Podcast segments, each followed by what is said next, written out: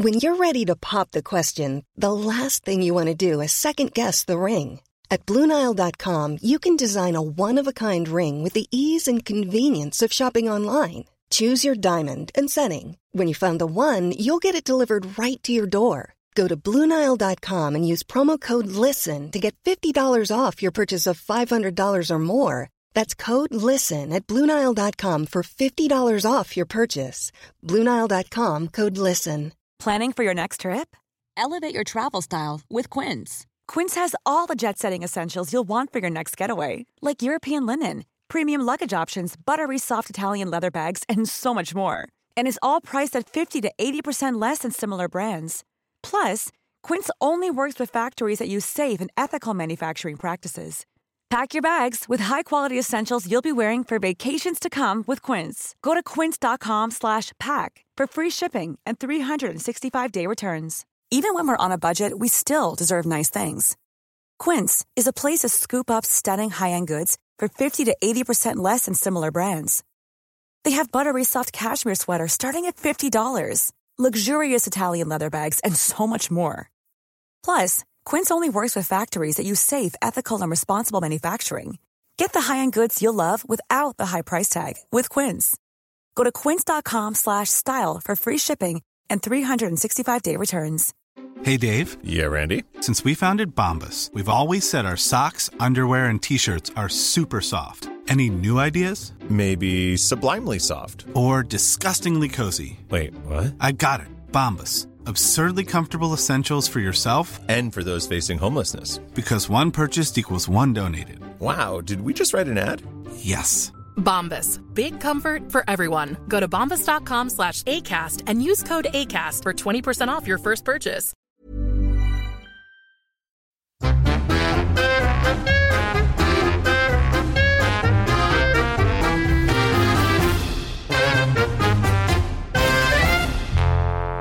Hej och välkomna till Inte din morsa. Barbro den vita renen har skakat om poddsverige. Har den? Ja, jag har fått så mycket reaktioner. Vadå? Du inte Nej, jag, jag har lekt, legat under en sten i... Vi eh, pratade alltså i förra podden om att Sanna hade varit uppe i Åre och eh, träffat på sin mamma i eh, Den vita renen kan vi säga. Den vita renen Barbro som jag döpte den till då.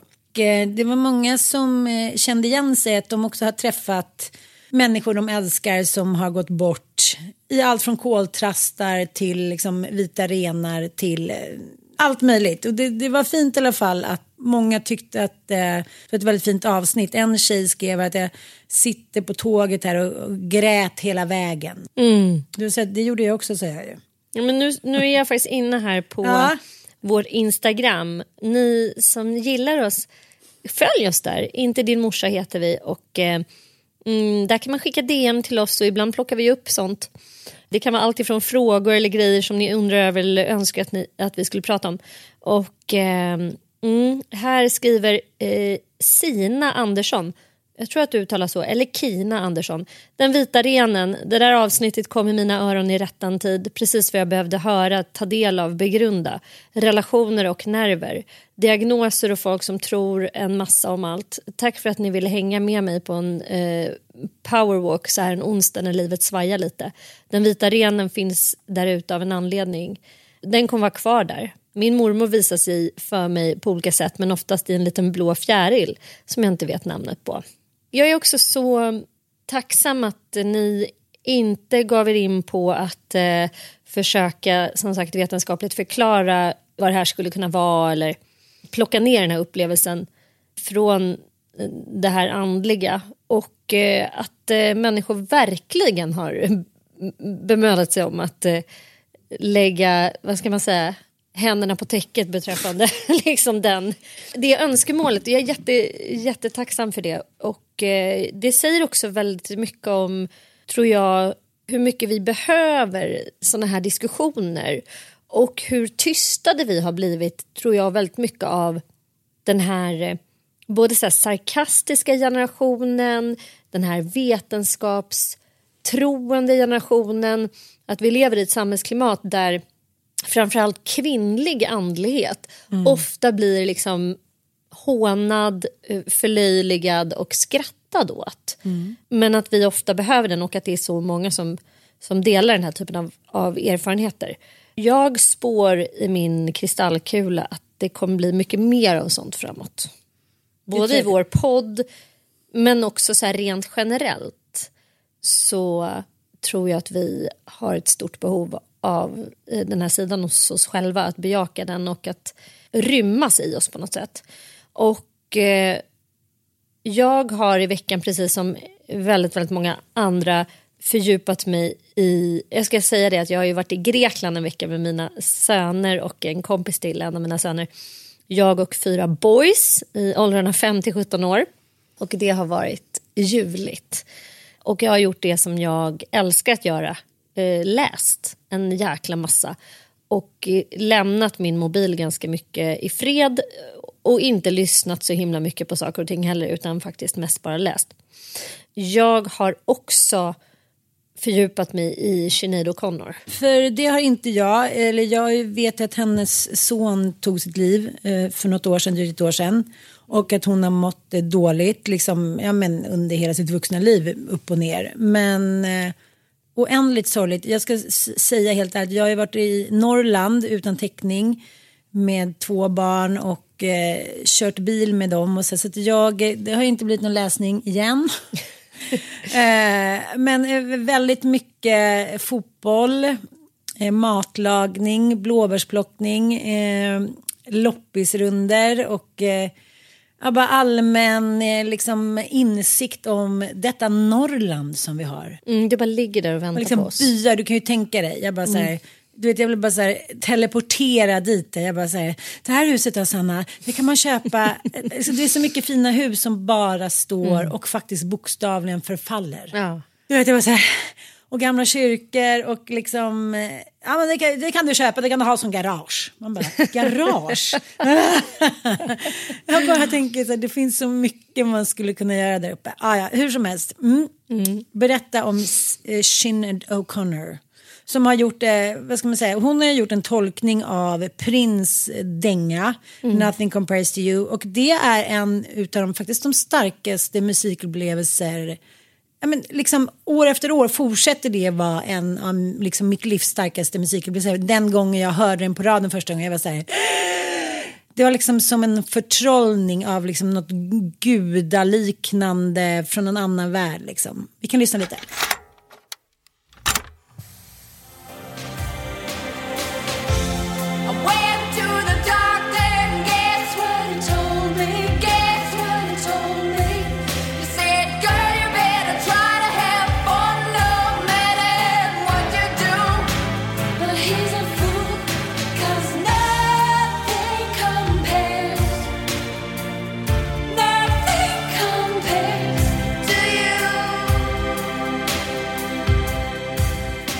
Säga att, att det, det, det finns någonting i rösten som drabbar en. Det gör det. Samtidigt så kan jag inte riktigt stå ut med det sorgliga i att det är just den låten som gör henne så känd och som på ett sätt också förgör henne. Eh, därför att hon hade gjort en skiva innan den här skivan kom med bara egenskriven musik och efter Noth- alltså Nothing Compares to You är typ den enda låten som är en cover. I övrigt så är det bara egenskrivna texter som är otroligt självutlämnande och som, som, är väldigt centrerade kring... Nu ska vi lyssna på... Det här kände jag verkligen så här, här kände jag stark, starka grejer. Vi lyssnar på inledningen av hela den här skivan. God grant me the serenity to accept the things I cannot change. Courage to change the things I can. And the wisdom to know the difference. Okej, det här är alltså, eh, Alltså, hon- anhörigbönen. Ja, eller det är väl 12, alla tolvstegsprograms huvudbön. Jag kommer inte att bli det, men det är ju egentligen en, en, eh, det är en kristen bön. Och Sinead O'Connor som konstnär uppehöll ju sig extremt mycket kring andlighet och andlig erfarenhet. Och hon hade ju en, Eh, ett enormt hat mot katolska kyrkan. Och det var ju det som blev hennes, vad ska man säga, fall. Från att hon upphöjs till någon slags liten gudinna liksom av, eh, av punk, rock. Hon var liksom svår att etikettera. Var det en pojke, var det en flicka? Hon var androgyn, hon var helt egen. Hon viskade, hon skrek, hon hade liksom ett enormt omfång, hon hade de här ögonen. Är hon sexig eller är hon oskuldsfull? Det var så mycket som rymdes i, i både hennes utseende och appearance liksom, och i hennes röst och samtidigt i hennes texter som är oftast väldigt mörka förstås. Alla hennes texter skulle jag säga handlar om hennes uppväxt och det säger hon också. Det går en utmärkt dokumentär om henne som heter Nothing Compares to You på SVT. Se den.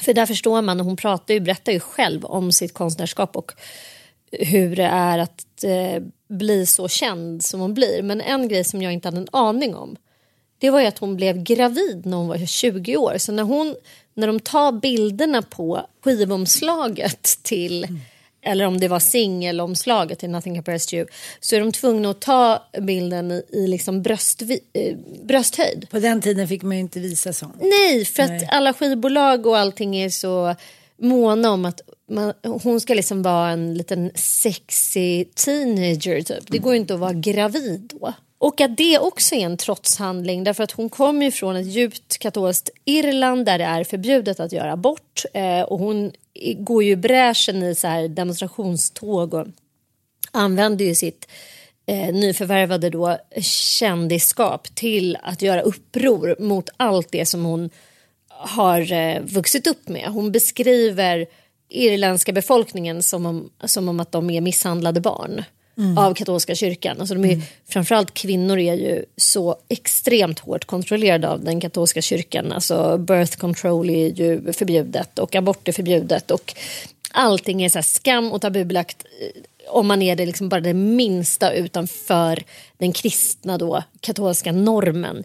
Det lättar ju aldrig heller. Nej men det är också så sjukt att vi hade så dålig koll på det när den här låten kom. Alltså, Jag hade det i alla fall, det kan man väl skylla på att man kanske var 12 år gammal och inte visste så mycket om världen men ändå att så här, Dåligt Sanna, mycket dåligt. det är så sjukt att det såg ut så här faktiskt. Och att vi lite grann ser en backlash av det nu i Polen och i vissa andra europeiska länder där man börjar liksom förbjuda abort eller i alla fall eh, sänka abortgränsen. vad Man ska säga. Att, vi, att vi ska få se den här skiten återkomma. Men sen blir hon i alla fall gravid när hon bara är 20 eller om hon är 21. Och då vill liksom hela den här musikbranschen som är så snuskig åt sitt håll. De i stort sett avkräver henne en abort om de ska satsa på hennes eh, karriär. Men hon bara vägrar att gå med på det. Så hon föder den här ungen. Eh, som ju sen, jag tror att det var han som tog sitt liv här nu för något år sedan. Men att hon bara så benhårt från att hon var 20 år bara har haft sån sjuk integritet och bara så här, nej det tänker jag inte göra. Och det är klipp från intervjuer i den här dokumentären. Där, lite grann så här, samma som med Britney. Du vet när det är så här manliga talkshow-hoster som ställer så ja, men vidriga frågor. Man kan liksom inte bara förstå att ja, men det var så här det gick till. Så här pratade man med en så här ung eh, artistkvinna på den tiden. Som det heller inte, liksom, det fanns ju ingen samma PR-backup som det gör nu. Nej, eller att det fanns liksom inte den här arsenalen av människor som kunde liksom säga de här frågorna är förbjudna, då bryter vi intervjun och går. Alltså, Nej. så här, Det utan- fanns ju inte då. Det var ju så här, var glad att du får vara med typ. Svara bäst fan du kan. Ja, Det är sånt otroligt högt pris som man fortfarande får betala om man ska vara liksom självständig kvinna. Det är så här, det kommer med ett sånt högt pris fortfarande om man ska gå sin egen väg. Det är så- också så otroligt tragiskt liksom. Det som är tragiskt med hennes död, eh, jag tror att det var Lily Allen som skrev det på sitt Facebook-konto. Att liksom, aha, det går bra att hylla henne nu, men de senaste tio åren har hon levt alltså som hemlös. Hon har ju verkligen fått smaka på också så här, att vara det där äh, geniförklarade yngl, alltså unga människor eh, får vara galna, får vara eh, outrageous liksom får vara allt det här utlevande. Men så fort du fortsätter att vara det efter en viss ålder då betraktas du som skamlig, sjuk, eh, Gränslös. gränslös äcklig, Kvinnlig. Snus, kvinnlig. Hon har ju verkligen gått i den här fällan av den galna kvinnan om vi nu ska återkoppla till vår förra podd där vad är egentligen galet, vad är egentligen ADHD, vad är egentligen miljö som gör en människa galen för att man tittar på hennes liv också, hon, hon hade en mamma som var alltså fysiskt och psykiskt misshandlade henne på ett sätt som var så grovt så att man, alltså man bara gråter när man ser den här dokumentären och i stort sett varenda text och hon berättar också om tårarna eh, som kommer i videon i Nothing Compares You. Alltså det är ju en kär, löjlig jävla kärlekslåt egentligen eh, som Prince har skrivit. Men hon tänker på sin mamma när hon sjunger den här texten. Och om man lyssnar på den och tänker på det så blir det ju liksom en, ett he- då förstår man ju varför hon ser ut som hon gör i den här videon. Att man ser rätt in i hennes själ, att man ser någonting som är så trasigt och, samtidigt så rent att hon vågar liksom stå upp för den här berättelsen. Att man eh, älskar någon så mycket fast man eh, den personen har gjort en så fruktansvärt illa. Och hon berättar att hon, hennes mamma stängde ute henne i trädgården och hon fick inte komma in på flera dygn när hon var liksom i sju, åtta års åldern. Tänk dig själv att du skulle göra det mot Bobo. Alltså hon tittade upp i skymningen mot mammans fönster. Det här var alltså på baksidan av något, jag tänker med något radhusliknande. Och mamman drar ner gardinen och släcker lampan Nej, och låter den nej, inte komma nej, in. Så hon får sova i trädgården som en hund. Nej. Jo, alltså det är på den nivån. Och sen när föräldrarna separerar och hon blir lite större så börjar hon göra uppror. Då skickar de henne till en så katolsk nunneskola för problembarn. Mm. Det är så mörkt och man, då, då, då tänker man också så här, hur kan den här människan ens ha kunnat stå upp och göra allt det här hon gör och vara så klar i sin vision, i sin idé, i sitt konstnärskap. Men man blir så jävla imponerad av henne. Det är lite grann som när jag såg Tina Turner eh, intervjun också att man bara så här, det här är liksom en människa som har gått igenom helveteselden. Och så tycker vi att hon är så här, "Mm, gud hon är lite för crazy nu. Alltså, Vad fan är vi för Nej, jag människor? vet, jag vet, jag vet. Det är, så här, det, det som vi pratade om att de flesta människor blir ju inte galna bara för att de är galna.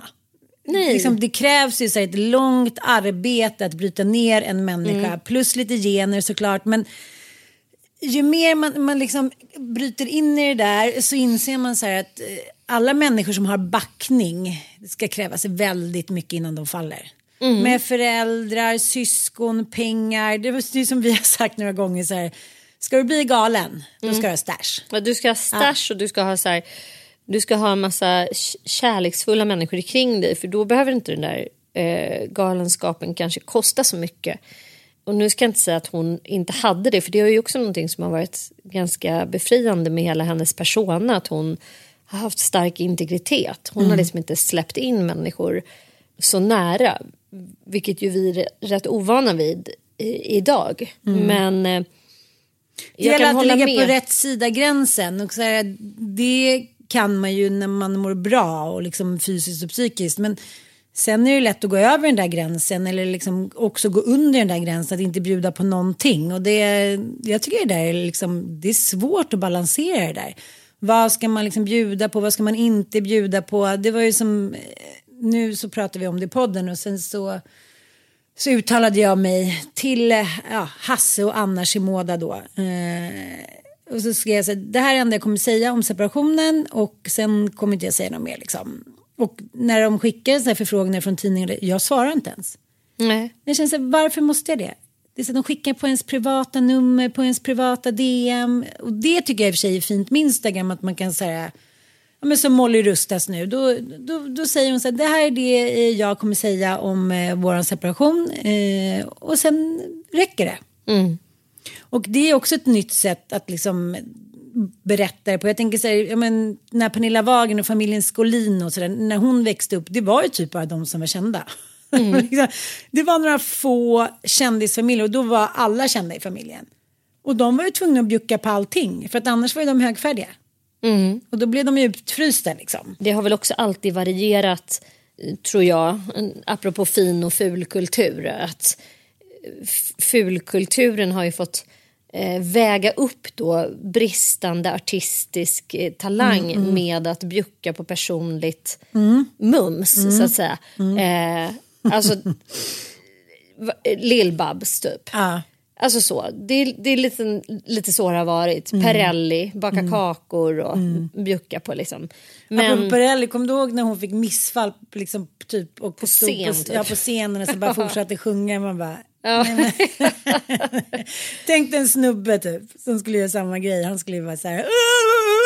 ja, men helt absurt alltså. Men eh, till syvende och sist så, så handlar det om att få tillbaka sin stolthet lite så, här, som kvinna då. Att här, få någon där ute eller som tror på en och som hjälper en. Hade hon någon sån liksom Jo stöttepelare? men det framgår, men det, det som är, hela, hela hon är ju som någon slags här mo, motståndsrörelse från början till slut. Och det man känner med låten Nothing Compares to You som alla och en var har spelat en miljard gånger, i alla fall från vår generation, i sina tonårsrum. Det är ju att det är liksom den låten och den typen av kändisskap som framförallt blir hon ju jättestor i USA och får åka på liksom stora så här världsturnéer. Det är som helt absurt att bli så där känd när man är en sån person som hon är. Jag visste inte att hon var så ung när hon... Och 21, hon hade gjort en skiva innan dess som hette, en låt hette Mandinka i alla fall. eh, Som gjorde henne känd i, i Europa och i Storbritannien. Alltså, den kanske släpptes i USA också. Men, så att hon, hon var ju liksom ett namn innan dess. Och hon uppmärksammades ju för den här otroliga rösten som var så säregen. Men att sen göra den här låten och bli så jävla känd och vara på varenda cover och så här. Alltså det är så overkligt. Jag säger inte att Britney Spears var bättre rustad för det, för, för det var hon ju obviously not. Men alltså när man har en så här, ett PR-maskineri, när man på något sätt kanske ändå har människor kring en som kan förbereda en för och kanske hjälpa till att forma en. Men i hennes fall så kändes det liksom som att slänga upp en så lammunge på slaktbänken inför offentligt slakt. För det är också det att hennes skivor och hela hennes artisteri var ju väldigt politiskt från början till slut. Och sen ska hon helt plötsligt uppträda på Grammy Awards och folk tror typ att så här, nej hon ska bara sjunga Nothing Compares You. Nej men då går hon upp och har någon så här Public Enemy symbol på huvudet. Hon hade sin sons sparkdräkt liksom, som hon hade knutit fast på sig själv. Hon hade sitt rakat hår. Alltså så otroligt jävla cool människa som säger nej men nu har jag en arena, nu ska jag verkligen. Hon, hon vägrade när hon skulle göra en spelning på New Jersey att inleda sin eh, konsert med att de spelade den eh, amerikanska nationalsången. För att hon tyckte inte att det var på sin plats att hylla eh, att de eh, var och krigade i eh, Irak. Och Kuwait, under Kuwaitkriget. Hon var så här, nej, det är min konsert. Det är yttrandefrihet i det här landet. Jag vill inte supporta det här kriget. Och då, det var liksom första gången hon fick känna på det här enorma jävla hatet. När all media bara kastar sig över henne som den här lammungen som försöker liksom stå för, för någonting riktigt, eh, någonting rätt. Och sen passar hon ju på något år senare då att riva bilden på påven. Och det var ju det. då liksom omvärlden och publiken bara bestämmer sig för att det här är en galen människa. Då var det kört för henne. Då, då var hon liksom 26 år gammal. Alltså, någon karriär därefter kan man inte riktigt tala om. Och jag menar hon dog ju urfattig, typ hemlös och liksom verkligen hemlös? sjuk. Ja men hon var så här, sista Instagram eh, eller om det var på Twitter, det var ju när hon liksom lägger upp att hon har fått en lägenhet i London eh, och hon så här, så, genom ett under, alltså hon hade ingenting kvar av sin förmögenhet överhuvudtaget och eh, har ju inte mått särskilt bra. Eh, och det kan man inte riktigt se när man ser bilder, intervjuer och klipp på henne när hon är så ung. Då känns det som att det här är världens starkaste människa. Det här är Pippi Långstrump på riktigt. Typ. Men eh, det var det inte. Hon klarade inte det där. Och till skillnad från manliga artister så skulle också hela hennes utseende som vanligt nagelfaras. Det skulle ifrågasättas hur- varför hon såg ut som hon gjorde, varför hon var androgyn, varför hon inte var sex. Alltså så här, det är som hela den, det tillägget också. Och också att en kvinna aldrig får tycka saker. Man får inte skrika om man är kvinna, man får inte vråla och man får inte vara obekväm. Det går alldeles utmärkt för män och Absolut. manliga artister att, att vråla och skrika. Och de har också ofta så här, någon backning av någon mamma eller någon ekonomisk rådgivare som inte överger dem. Mm. Det ska krävas så otroligt mycket mer för att någon ska liksom, entouraget ska överge en snubbe tycker jag. I jämförelse Mm. med när man överger en tjej. Jag tänkte på, kommer du ihåg Dick, Dixie Chicks? Ja. De var liksom verkligen på gång och skulle bli så här, de största countrystjärnorna någonsin, kvinnliga kan vi säga. Mm. Och sen så ett jäkla mellansnack på någon konsert så snackar de om George Bush. Och sen bara blev det exakt samma sak som när eh, hon, eh, som Sinead. Sinead eh, brände den här bilden. Du vet, det tog ju liksom död på det, hela deras karriär. Det här mellansnacket. Och jag, jag läste på lite om det här liksom. De kom ju och slog igenom eh, liksom, och var på listorna på slutet av 90-talet va? Eh, då blev de ju så här hela USAs bebisar. De var så söta, det var tre tjejer, de var så gulliga, de var så lagom men ändå lite liksom festliga och liksom eh, tokiga. De tog verkligen musiken på allvar liksom.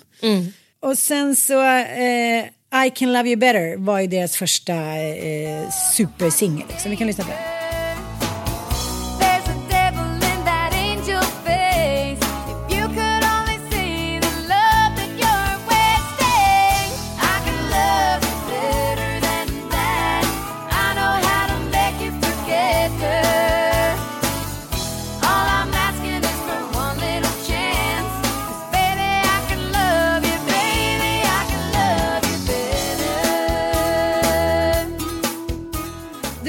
Här då showen på NBCs, liksom den här showen, så sjunger de mycket om så här, ja, men hur det är att vara liksom flickor som ska bli kvinnor och ja, men det blev så här, alla var så här förstående för dem och det var fiol och banjo och alla sjöng med och liksom. She needs wide open spaces, room to make her big mistakes typ. Eh, alla så här älskar dem. Okej, och sen så händer det här då i mellansnacket och det var ju då precis när kriget till Irak, det var ungefär samma tid där. Det var ju, var det inte, ja, i 2003 i mars då. Och då säger Sinead var ju i tio år tidigare. Precis. Och då säger hon då Natalie till publiken i London att de skämdes för att George W. Bush kom från Texas. Och liksom, då verkar det som att de skulle bli då det största bandet typ i countrymusikens historia. De hade sålt 28 miljoner exemplar av sina tre första album. 28 miljoner älskling.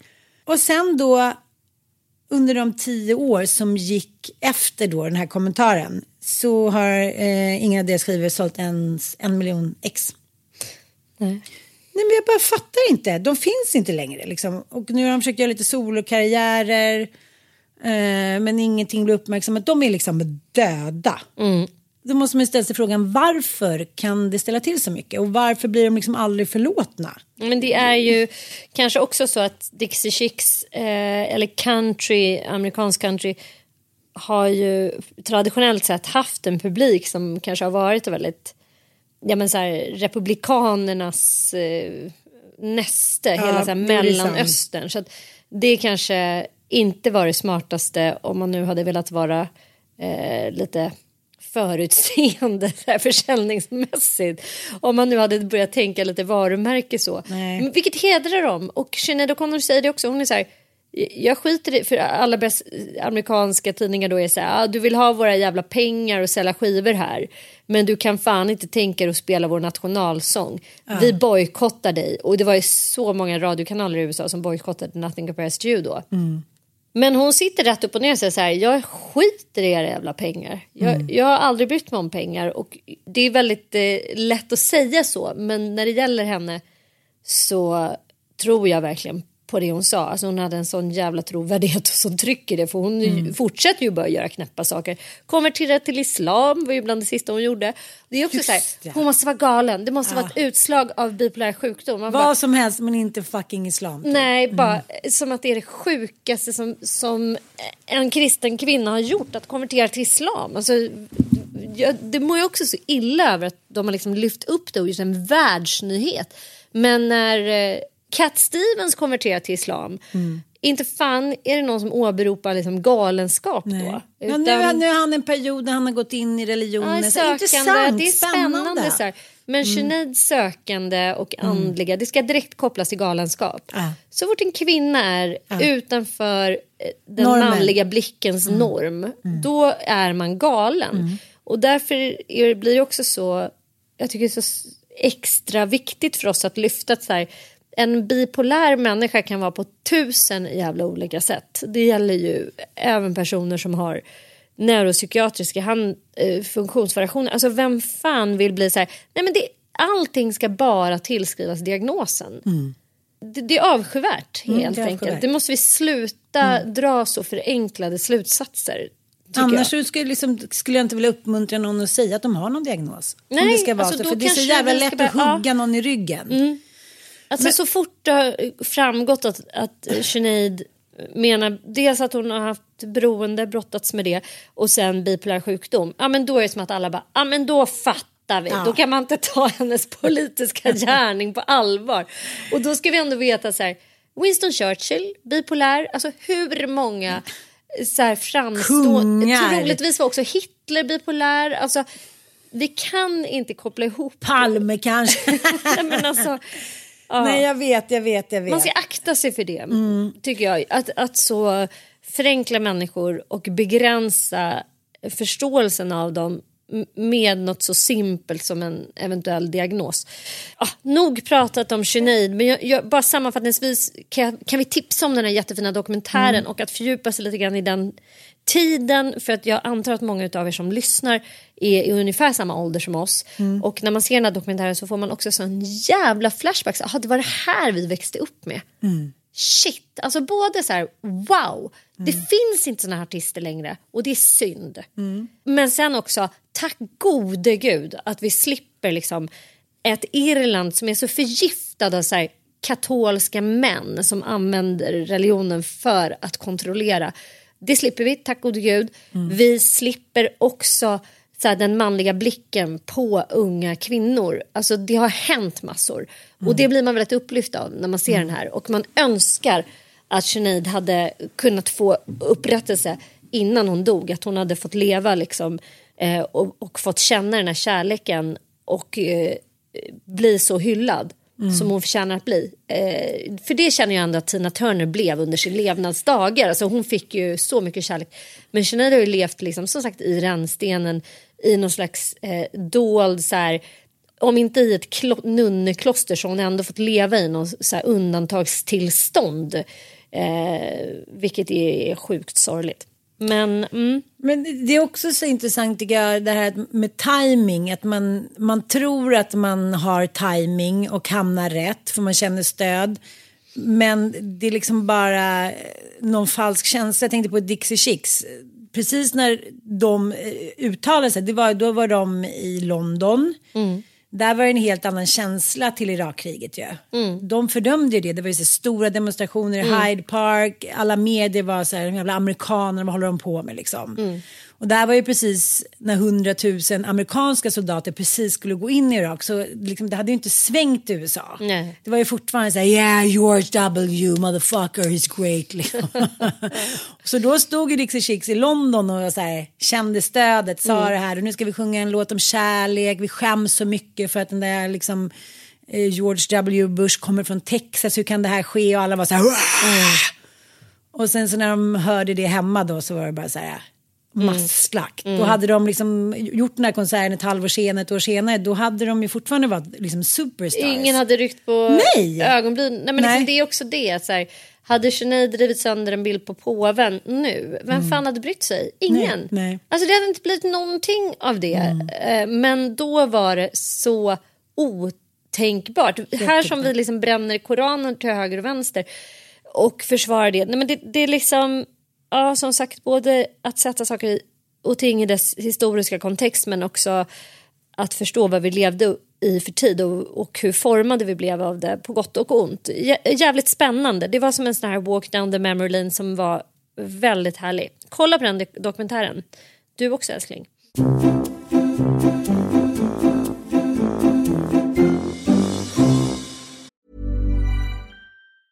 Jewelry isn't a gift you give just once. It's a way to remind your loved one of a beautiful moment every time they see it. Blue Nile can help you find the gift that says how you feel and says it beautifully with expert guidance and a wide assortment of jewelry of the highest quality at the best price. Go to BlueNile.com and experience the convenience of shopping Blue Nile, the original online jeweler since 1999. That's BlueNile.com to find the perfect jewelry gift for any occasion. BlueNile.com. Even on a budget, quality is non-negotiable. That's why Quince is the place to score high-end essentials at 50 to 80% less than similar brands. Get your hands on buttery soft cashmere sweaters from just 60 bucks, Italian leather jackets, and so much more. And the best part about Quince, they exclusively partner with factories committed to safe, ethical, and responsible manufacturing. Elevate your style without the elevated price tag with Quince. Go to quince.com slash upgrade for free shipping and 365-day returns. Life is full of awesome what ifs, and some not so much, like unexpected medical costs. That's why United Healthcare provides Health Protector Guard fixed indemnity insurance plans to supplement your primary plan and help manage out of pocket costs. Learn more at uh1.com.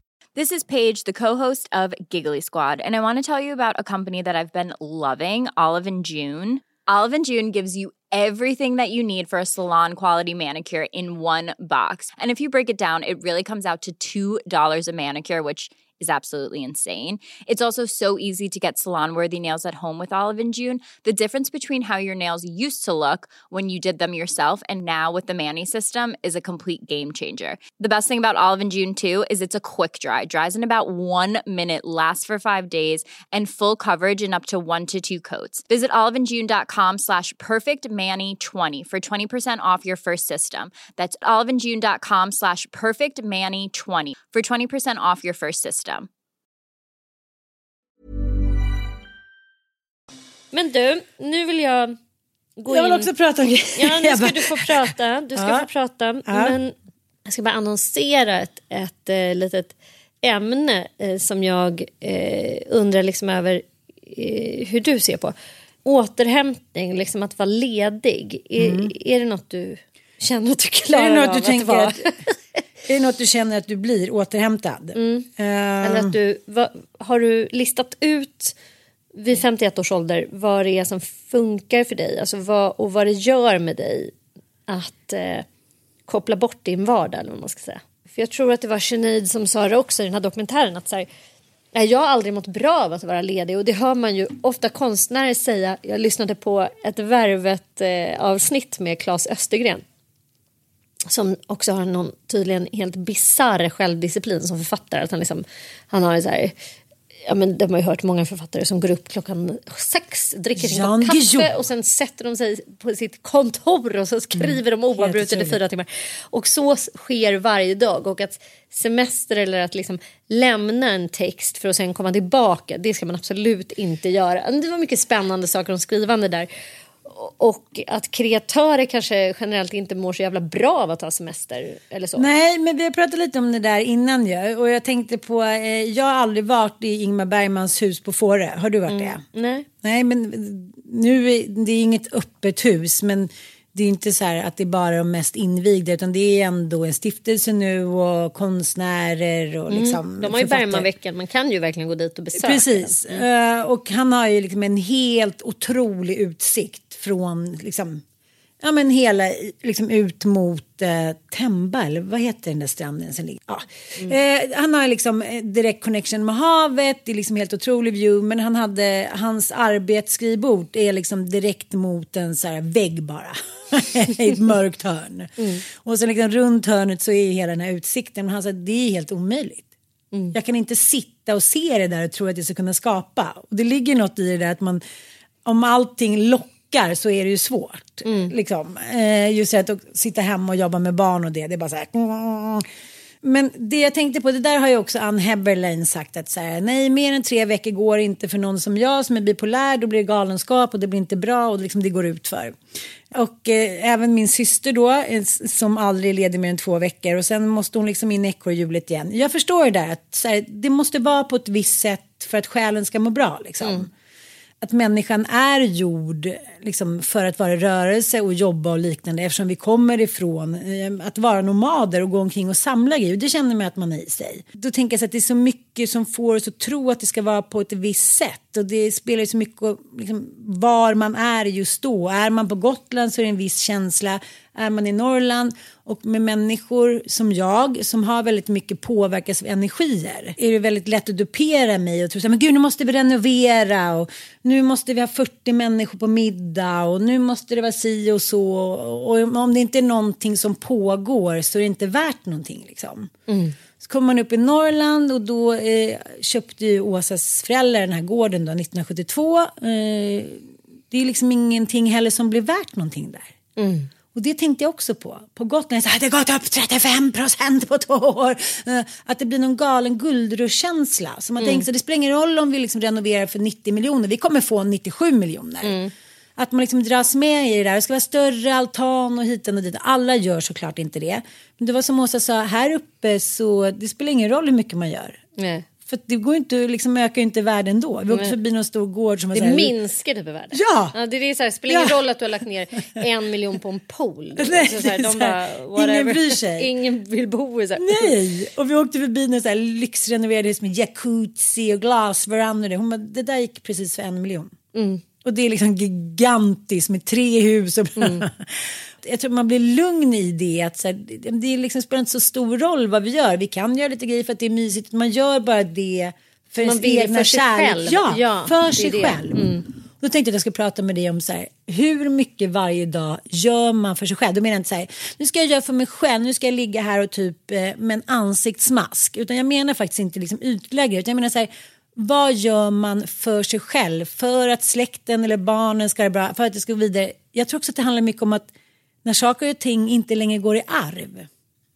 Då blir Mm. det inte hem, liksom, heller samma känsla. För att gå där i mammans hus då, hon hade en stor gård bredvid. Och så Åsa där de har varit där så länge. Alla bilder, alla minnen, alla möbler, tavlor som alltid har funnits liksom. Mm. Det är ju en sån oändlig skatt och det skapar också band. Och man ska liksom inte underskatta det. Det är väldigt lätt att tänka så här, men hur, vem spe- spelar roll? Varför ska jag vara fast i det liksom? Sälj skiten bara.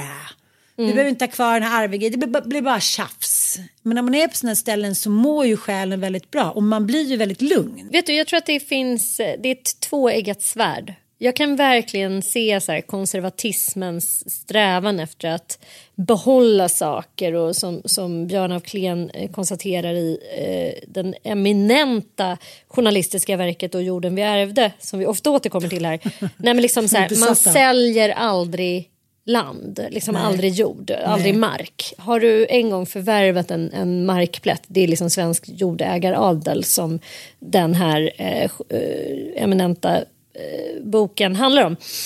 Där han kartlägger liksom några av Sveriges äldsta och mest eh, vad ska man säga, stor, största jordägarna i Sverige. Ja, och- det ligger någonting i det, att liksom så här, för att du, det här ska ärvas och det ska gå från liksom, släkten till släkten på något sätt. Äldsta sonen. Ja, äldsta, so- I ett fideikommiss så var det ju verkligen så att det bara var den äldsta sonen. Men sen nu idag när fideikommissen håller på att upplösas så går det ju att ändå komma runt det. Du kan skapa en stiftelse som då får sa- ägas av en släkt.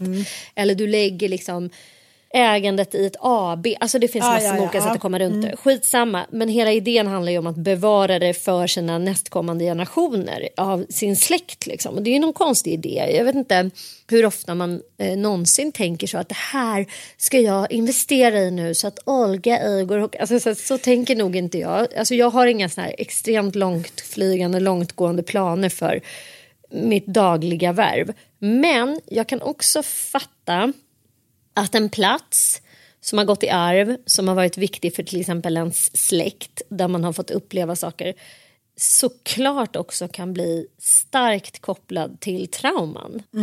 Och så kan jag ju känna så, så starkt med eh, högen då, min mormors gård. eh, som ju vi var och besökte här nu för tre veckor sedan.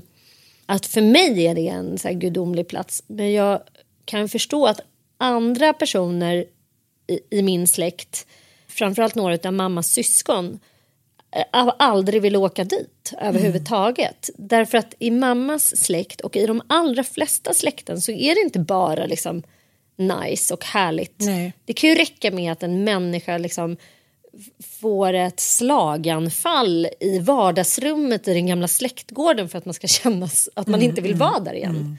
Nej, det, det är obehagligt. Där dör folk. Det kan räcka med att någon har legat och haft bröstcancer på ett ställe för att man inte ska tycka att det här är en bra plats. Ja, gud ja, gud ja. Och så här, uppe i Norrland då, där är det mycket såklart. eh, Det är det ju överallt, men kanske ännu mer eh, på isolerade platser där det inte finns samma sociala kontroll. Liksom. Mycket Ja, tragiska grejer. Jag man- menar, har man separerat på en plats? Tänk dig själv, hade du velat bo kvar i samma lägenhet som du, där du och Nanook hade era värsta gräl och upprinnelsen till slutet? På något sätt? Alltså, Nej, vill det tror där? jag inte Alltså, på. Att människor nej. så här, här ska min sand bo kvar och visa. Men jag ser också en röd tråd i det när jag ser människor som liksom envetet, trots att de kanske inte har ekonomisk styrka i det, ska bo kvar i huset eller lägenheten för Mm. visa bara. Det är oftast män som har blivit lämnade. Nu ska de minsann visa. Mm. Det är liksom någon stolthetsgrej fast det är så här who cares. Alltså, det ska vara ett straff då mot kvinnan tycker jag det känns som. Ja, du kanske liksom bedrog mig eller du kanske liksom inte vill ha mig längre. Men det är jag som sitter kvar i orubbat bo. Ja, More det, piss. Ja, sen signalerar det kanske också att så här, hör du, du är Galna utbytbar. mamma. Nej, men du är utbytbar. Jag kan stoppa in en ny Barbie-docka här. Det är sant. Alltså så. Jag tror mycket att det är det. Att så här, mm, det är mina prylar, det, det är mina stålar, det är mitt hus. Spelar roll om du är här eller inte. Det är bara intressant för det, jag har aldrig träffat någon som har mått bra av att bo kvar i ett hus eller i en lägenhet utan det har gått några år sedan Där jag varit så här- kärleken har dött. Ja, och så har, har de gått där och suttit traumatiserade och deppiga och sen har det gått några år och sen har de kanske köpt något annat och tyckt så här Fan, det skulle jag ha gjort mycket tidigare, nu mår jag bättre. för att man får andas frisk luft och för att man får börja om liksom. Eh, men, men det som jag ändå tycker är så intressant, som jag tycker är den stora aha-upplevelsen är att nu hade ju de haft det där huset och bagarstugan sedan 72. De hade fortfarande inte rinnande vatten i, liksom i, i bagarstugan. Flera rum var liksom inte gjorda sedan 72. Eh, badrummet var så här, du vet som när jag kom in på Gotland, jag var så här, okej, Fritzl badrum klart här. Får panik, kommer aldrig kunna duscha, jag kommer dö. När det var någon som liksom hade kärlek i det badrummet och det var, det var mycket liksom annat som var vackert, då var ju det badrummet inte längre något Fritzl-badrum. Det var bara ett 70-talsbadrum med sån blå plastmatta. Att, man så, att man så snabbt hamnar i bilden av vad andra har för bilder. Förstår du? Det är liksom... Det är väldigt fascinerande och då tänkte jag eh, dels det att ingenting har ökat i värde. liksom, som det gör då på många ställen. Att ah, kan vi casha in? Så här. Att vi är här för att vi vill vara här. Det är inte särskilt attraktivt. Många, liksom, de flesta har inte ens varit här. Eh, utan vi är här för vår skull och det är någonting som vi har skapat. Att det kan liksom betyda väldigt mycket för vi gjorde ju inte särskilt mycket. Men vi plockade hallon, käkade lite, åkte på någon loppis och ändå så kändes det som att dagarna var så fyllda. Det är någonting som också är väldigt kravlöst. Vi lever ju just nu i en tid när vi eh, har haft den här konstiga bostadsfastighetsbubblan eh, bubblan får man väl ändå kalla den för. Om man ska eh, liksom tro eh, Andreas Cervenka att så här, ja, vi oroar oss över inflation nu men när det gäller fastigheter och bostäder där har inflationen pågått hela tiden i synnerhet i, vå- i våra trakter i Stockholmsområdet där liksom en etta kostar 4,5 miljoner, det är helt sinnessjukt. Men också att så här, när vi också köper ett landställe så tänker vi då direkt att vi ska lägga ner enormt mycket kraft och energi på att renovera, greja, do it yourselfa och installera in ett nytt liksom, badrum och så vidare. Eh, och så ska vi genast kunna göra en jättevinst på en och en halv miljon. Och, och För det varit. för att det har människor gjort.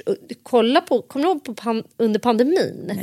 För då skulle ju folk liksom bara tro att det skulle pågå för evigt och Ah. köpa eh, sitt livs landställe där hon skulle spendera all sin lediga tid. Liksom. Till och med Flen drogs med va, i Guldrusha. Ja, till och med Flen och hela Nej, det jävla Sörmland. Det var helt sjukt. Kommer du ihåg den där tåg... Alltså den där... i Flen? som, ja, som eh, Ninni tittade Ja. på. Alltså vad sjukt som gick upp liksom något helt sinnessjukt Jag pris. tror att den kvinnan som köpte det, hon gjorde det i spekulationssyfte i början av corona. Jag tror att hon Mm. köpte det för, för en eller en Mm. och en halv. Och sen tror jag att hon sålde det för typ sex Ja, miljoner det var sex miljoner. Det var liksom helt... Mm.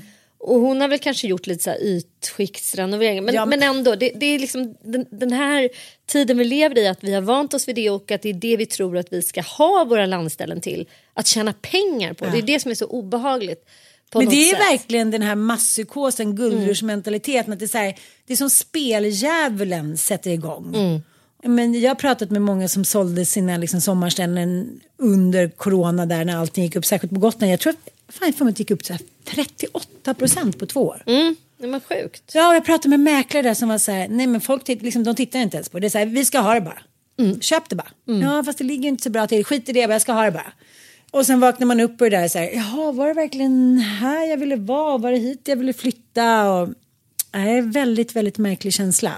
Och då tänkte jag säga, men gud, just där att jag så hårt har drivit en linje att jag ska vara på Gotland och det ska vara på ett visst sätt. Och liksom, jag tycker att det är jättekul såklart att fixa och renovera. Men om jag nu skulle liksom köpa ett ställe och ha råd att köpa ett ställe så skulle jag göra det på ett helt annat sätt, tror jag. Men jag blir liksom så, man kommer igång, jag tycker att det är så kul. Och det har jag liksom från mamma, min syrra, min mormor. Att det ska vara halvklart, det är väldigt svårt för min själ. Ja, men jag, jag tror kanske också att du bara, eh, eller inte bara du utan vi alla kanske skulle må bra av att bara konstatera så här, men jag är nog en sån här kvinna. Jag är 51 år gammal. Jag gillar att liksom renovera och kliva in i projekt och köpa och sälja mycket. Du är inte en eh, narrativ person. Du är en episodare och det är ett hus där som är, finns i ditt liv i två år och sen så är det någonting annat som dyker upp i din väg. Och så har du i, i stort sett eh, laborerat hela ditt liv. Och istället för att tänka att det är någonting fel på det och att det är någonting som är så vansinnigt eh, idiotiskt så kanske man bara ska omfamna det och så här förädla den mentaliteten och kunskapen. Att så här, det här är min specialitet. Och jag har ju tänkt på mig själv liksom som att jag är, både och. och jag, känner, jag tycker inte alls att jag har liksom samma Eh, driv eh, i såna här förändringsprocesser som du har. Jag tycker att jag blir mer och mer konservativ ju äldre jag blir. Jag har svårare och svårare för förändringar. Jag har svårare och svårare att tänka mig att jag ska bara så här bryta upp saker. Alltså, nej, jag är så ointresserad av det. Men så kom det i min väg. Jag följer en massa härliga så här, amerikanska influencers som håller på mycket med foraging, alltså så här, örtsamling och som har driver ekologiska jordbruk. Alltså mycket så inspiration eh, såklart för min egen gård. Och ett av de kontona som jag har följt länge, hon håller på också jättemycket med eh, när man dopar, alltså när man, ah, skitsamma. Ja, men hon- är en skitinspirerande kvinna som har haft eh, en farm som heter Magnolia Farms. Tänk Eh, en farm som heter Magnolia Ja Farm. men sluta, hon bara så här, odlar grejer och håller på skitmycket med eh, så här, att boosta immunförsvaret med olika örter. Ja men superspännande. Men nu skrev hon häromdagen Eh, nu, jag har precis sålt Magnolia Farms. Eh, nu ska jag och barnen flytta närmare havet. Det är dags nu. Du vet, så här, jag fick typ ångest av att hon skulle göra det. Jag bara, Nej, du är konservativ du? som jag. så, nej, men liksom, och då, då kände jag så här, men fan vad sunt. För hon, så, hon skrev liksom i en caption att nej, jag måste bevara my free spirit. Eh, förmågan till förändring. Att eh, den här jorden är så rik eh, och att det finns fortfarande erfarenheter där ute som jag inte vill missa. Jag vill bara ha mer, jag vill se mer, jag vill liksom upptäcka nya. Och hon skrev också Eh, så dagen efter så gjorde hon en live. Hon bara, många utav er har blivit väldigt besvikna nu. Jag bara, yes, tuppen ja. Eh, och, så här, och då sa hon någonting att så här, jag vill bara tala om för er att jag existerar inte på det här kontot för att ni ska bli nöjda. Hon har väl kanske så här 50 000 följare, det är väl inte något jättekonto i USA. Men hon bara, jag hade ett ännu större konto eh, innan Magnolia Farms och så, jag minns inte ens vad det var för, för inriktning. Hon bara, för då kände jag att jag ville berätta om, om just det här. Men när det inte var relevant för mig längre och jag kände att nu har jag liksom uttömt det här ämnet och intresset då la jag ner det kontot och så ett år senare så startade jag Magnolia Farms. Man ska liksom inte vara rädd för att säga bye bye. när, man är, när man har fulfilled en dröm så betyder det inte det att man är någon loser för att man lämnar den. Mm, Utan tvärtom. Och, och det, jag har funderat mycket över det idag. Att så här, ja, nej, man kan inte se det så. För det är också någonting som är inympat i vår kultur på något sätt. Att när du är lyckad på någonting då måste du fortsätta där. Nu är den här, nej men nu har vi det så bra här.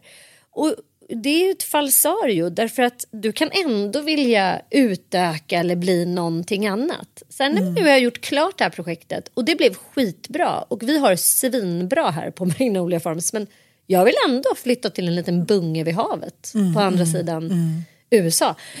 Att det, det finns en, en otrolig sån frihet i att tänka så. Jag fattar. Att man alltid tänker att man, måste, man måste ha misslyckats med något för att gå vidare. Alltså om jag tänker på separationer också. Att så här, man, man borde ju kunna separera utan att man har liksom... Nej, vi har tröttnat på varandra. Vi har en pissrisrelation så nu måste vi separera. Utan nej, vi har haft en fantastisk relation men jag vill ändå testa någonting annat. Det blir ingen bitterhet. Så här, vi, vi gillar varandra men vi är klara med varandra. Och vi har haft världens bästa liv. Ja, och så det kanske ändå är bra att vi gör det här nu. Typ. Jag har ju tänkt att, att jag liksom inte riktigt tror på sånt men jag är beredd att ompröva den tesen. Jo men alltså grejen är att om man omprövar hela den där idén om hur man som liten liksom på något sätt blir inkorporerad i hur det skulle vara när man blev stor. Att så här, man skulle älska männen no matter what typ. Och att det ändå var viktigt att ha en kille och liksom, ja men så var det verkligen 70-80-talet. Och jag tycker fortfarande att det sitter väldigt liksom hårt fast i oss att säga om man inte har man och familj, men då, ja, men jag tror att det, det går säkert hand i hand med det, då är man misslyckad och lite galen. Mm, verkligen. Ja, för ingen kvinna lämnar väl sin familj. Men det är ju många som gör det nu. Men eh, jag läste han, eh, det är ändå eh, Marshall McLuhan. Som är då, ja, men han är ju död nu, han dog 1980. Men han myntade ett uttryck som heter the medium is the message. Och eh, ja, men han liksom förutspådde ju internet och varnade för hur det skulle bli och bla bla bla. Och eh, det han pratar om är ju så här att det handlar ju liksom inte så mycket om själva budskapet utan så här, var förmedlas budskapet någonstans och hur liksom filtreras det. Som till exempel TikTok eh, förmedlar budskapet på ett helt annat sätt än vad gammeltidningar gör liksom. Och det är det jag menar lite, jag vet inte vad, vad jag menar med att dra den parallellen men eh, jag tycker det är samma sak här, att var du är, i vilken kontext, i vilken kultur, i vilket sammanhang, i vilken sårbarhet, i vilken ålder så blir det samma sak som han pratar om att så här, eh, om vi säger då att mediet är eh, eh 40 plus, eh, liksom, känner sig, var det här det det blev? Och sen är du en massa kvinnor som känner samma sak. Då tolkar ju du budskapet i så här, hur är vår familjerelation just nu? Så här, ja, du speglar i andra och tycker så här, för fan det här, det här är inte bra alltså. Men om du inte är där utan du är liksom ja, men i en kontext där alla har det liksom väldigt bra och tycker så här, va? Nej, det, det blir ett hot, det där kan vi inte ens prata om. Då kanske man blir så här, nej, men det kanske inte är så dåligt. Varför känner jag mig så tom då? Lite det här att eh, min kompis från USA som jag käkade lunch med idag, hon var så här, nej men gud, vi, eh, vi har aldrig haft det bättre. De är plus 50 och han jobbar inte lika mycket längre. Och hon sa i början var det svårt för honom han, hur han skulle hitta sin plats. Han har varit chef hela sitt liv. Ja, men du vet, han går upp varje morgon och liksom ska göra saker. Vem skulle han vara nu då? Och, och jag tänker på det att det är så många kvinnor som tycker att männen är så här, där sitter de och surar, liksom, eh, vadå, var lite fria, nu börjar barnen bli större och hiten och ditan istället för att man kanske ska vara lite snällare i det att så här, att män kanske inte organiskt följer med förändringarna på samma sätt som vi gör. Så jag plötsligt så är det någonting som är jätteförändrat. Så jag kommer ihåg min pappa från när man började sjuan och åttan, från att man gick i sexan var ju så här, man tog hem killar som man kanske hånglade med på rummet och han var så här, va? Min lilla dotter, vad har hänt liksom? Han hade inte följt med organiskt för han var aldrig hemma. Men hans mamma var så här, okej, Ja, hon rymde ju förra veckan och skulle hem till Kenneth typ. Men där fick jag tag på henne. Alltså, så här, de, vi har ju varit med kvinnor på ett annat sätt. Och sen så helt plötsligt så märker inte männen då av förändringen. Och då tänkte jag på det att vi är ganska hårt dömande just nu tycker jag. Liksom i det klimatet som är i Sverige bland annat. Att så här, jävla män och de har gått omkring på stan och ser ut som ufon. Och fan de är så tråkiga, sitter med sin kulmage och de raggar på fel sätt. Och de har ju verkligen ingen aning om vilken plats de är på. Och vi då som har liksom dragit förbi all, liksom väldigt snabbt, vi vet ju inte heller riktigt vilken plats vi är på. För vår självkänsla och liksom vårt kvinnliga så här, inte ska väl vi är ju fortfarande med. Men samtidigt så, så framstår vi som fucking heroes typ. På alla sätt. Så att jag, tycker att det är en svår tid nu. Mycket, svår. conclusion. Det är en svår tid nu. Precis. Mm. Ja, med de orden. Ja, det är en svår så tid. avslutar vi eh, den här podden. Jag tycker inte att det är en svår tid. Och jag ska bara återkoppla till återhämtningen och semestern. Och Just är den liksom... Eh, är den bra, är den dålig? Och för vilka är den bra och för vilka eh, kan den vara eh, mer dränerande än återhämtande? Men jag måste säga att det jag Eh, kände så starkt när jag kom hem efter Hydra, för jag har ju bestämt mig som en vuxen människa som är frilansare och i stort sett aldrig haft råd att ha så här betald semester. Jag bestämde mig redan i januari för att så här ska det inte bli den här sommaren. Och så här moget började lägga undan pengar och jag köpte ju då mina biljetter till Grekland redan i april och jag hyrde det här huset på Hydra ja, redan i mars. Vilket gjorde att jag har kunnat vara ledig, alltså på riktigt ledig i två veckor. Eh, så Åre och Hydra har varit mina liksom två helt och hållet lediga veckor. Och eh, Hur har det varit då? Nej, men det har varit så jävla skönt. Och eh, det som händer med mig, liksom, som jag, för jag kände i slutet av juni, det tycker jag alltid att jag gör så här i juni, det är ju att jag har sen någon liten ångest inför allt. Att man tycker man liksom, det är någon stress som håller på och vibrerar konstant. Liksom. Sover dåligt. Eh, är hela tiden känner mig så här lite jagad, har massa olästa mejl, att det är grejer som jag inte hinner med riktigt. Men att då verkligen gränsa eh, både liksom människor, klienter, chefer och annat. Så här, nej, jag svarar inte. De här veckorna är jag helt ledig. Jag kommer åter till kontoret den åttonde i åttonde. Jag kände mig eh, så liksom, ovan vid hela det upplägget. Men det som jag kände nu eh, när jag kom hem från Hydra, det var en så här enorm nytändning. Att jag är bara så här, jag vill brodera, jag vill sy saker, jag vill, eh, eh, jag vill liksom måla om där. Jag är så här, Ah. Det var så länge sedan jag kände sån här lust och pirr inför hösten. Jag har sökt, eh, jag ska läsa diakonivetenskap på Uppsala, jag ska färdigställa min kandidat här nu. Jag har liksom bara dragit igång alla mina kursbrev så att jag ska avsluta vår anhörigterapeututbildning. Jävlar! Nej, men jag är bara så här, jag är så på hugget. Och På så två veckor? igång- Ja, två veckor liksom, utan att tänka på de här grejerna. För det har jag verkligen inte gjort. Jag har bara läst och legat och liksom gjort så, så här när kroppen, eller kanske lite grann som Ingmar Bergman då menar att när man får se såna här vyer så är det väldigt svårt att tänka på något gammalt mejl som ligger i, i, i mejllådan. Liksom. Man, man glömmer bort sig själv och jag tror att det är det också som är så nyttigt med att röra sig och att förflytta sig och att se nya vyer för man blir väldigt ockuperad av det, eller jag blir det i alla fall. Och blir väldigt påfylld och det händer obviously grejer längst där bak i hjärnkontoret som man inte har en koll på förrän långt senare. Så att jag, eh, jag ska fortsätta, det här är mitt mål eh, resten av mitt liv. Att eh, stänga av min telefon och mina mejlnotiser och fortsätta eh, liksom gå in i, i en sån här ledighet och kanske mer, mycket mer. För jag tror att det kommer eh, löna sig. Jag tror att eh, jag kommer bli så mycket mer effektiv i mitt arbete om jag kostar på mig att vara alltså, riktigt ledig. Det här tänker jag faktiskt som ett tips till dig. För du är alltid igång. Det här är första gången vi har poddat som du inte haft tre samtal från dina- barn till exempel. Alltså att du... Eh, jag tror att du skulle må skitbra av att bara stänga ner notiser, stänga av telefon, alltså så här, inte vara igång.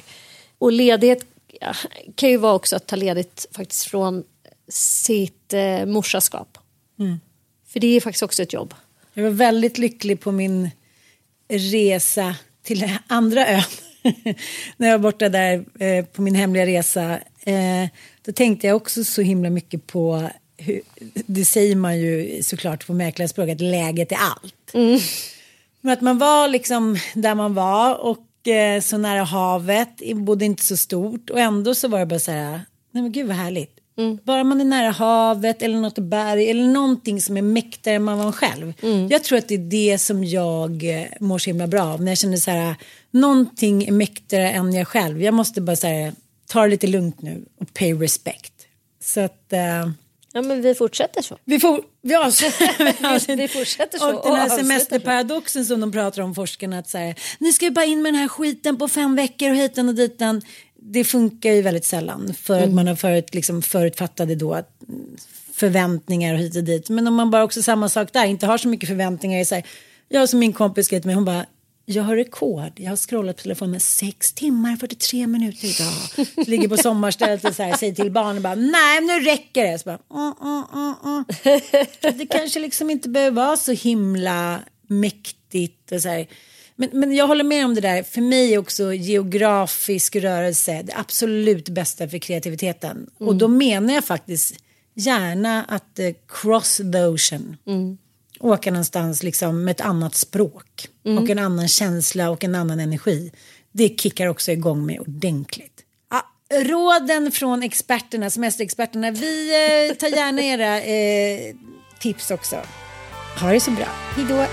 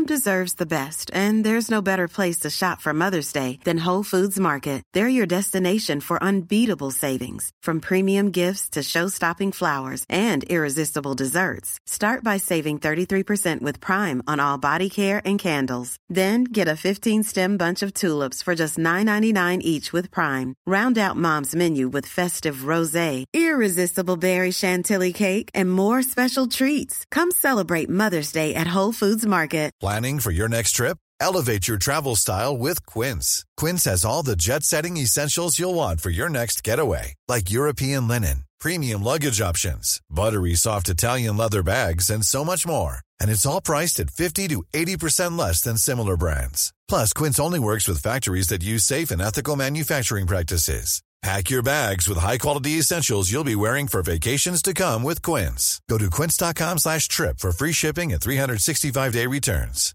Even when we're on a budget, we still deserve nice things. Quince is a place to scoop up stunning high-end goods for 50 to 80% less than similar brands. They have buttery soft cashmere sweaters starting at $50, luxurious Italian leather bags, and so much more. Plus, Quince only works with factories that use safe, ethical, and responsible manufacturing. Get the high-end goods you'll love without the high price tag with Quince. Go to quince.com slash style for free shipping and 365-day returns.